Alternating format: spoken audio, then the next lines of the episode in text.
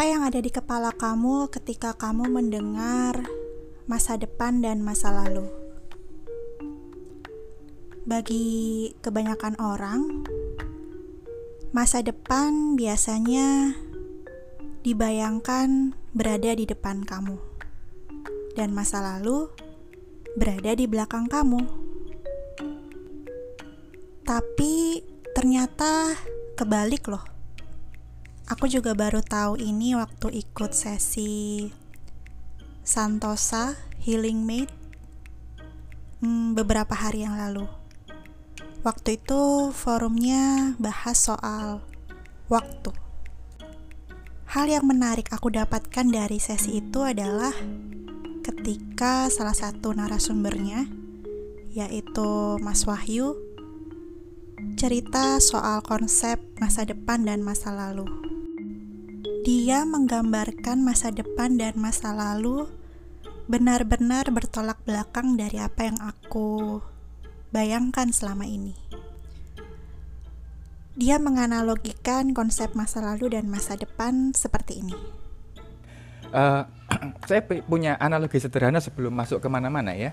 Uh, sebenarnya apa yang kita lihat di depan mata itu masa depan atau masa lalu gitu loh itu kayak kita berdiri di di sungai yang yang arusnya terbalik ya. Nah, kalau kalau ada streamnya itu ke kita ke arah kita kita berdiri di tengahnya itu itu melawan arus. Tapi kalau kita balik jadi mata ini seiris seiring dengan lajunya air itu kan kita melihat streamnya ke sana itu ya streamnya di depan kita melaju. Nah itu sebenarnya masa lalu.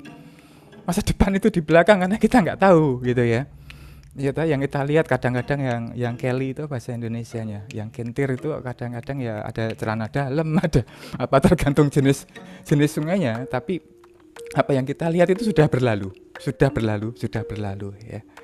Itu satu hal yang yang yang menarik untuk itu kita lihat sebenarnya yang ada di depan mata itu masa lalu, bukan masa depan. Masa depan itu masih di belakang kita, dia jalan ke sini. Belum kita lihat, belum kita alami, kita nggak tahu Waktu dengar analogi ini, aku baru ngeh banget. Kenapa memori dan masa lalu itu dua hal yang berbeda?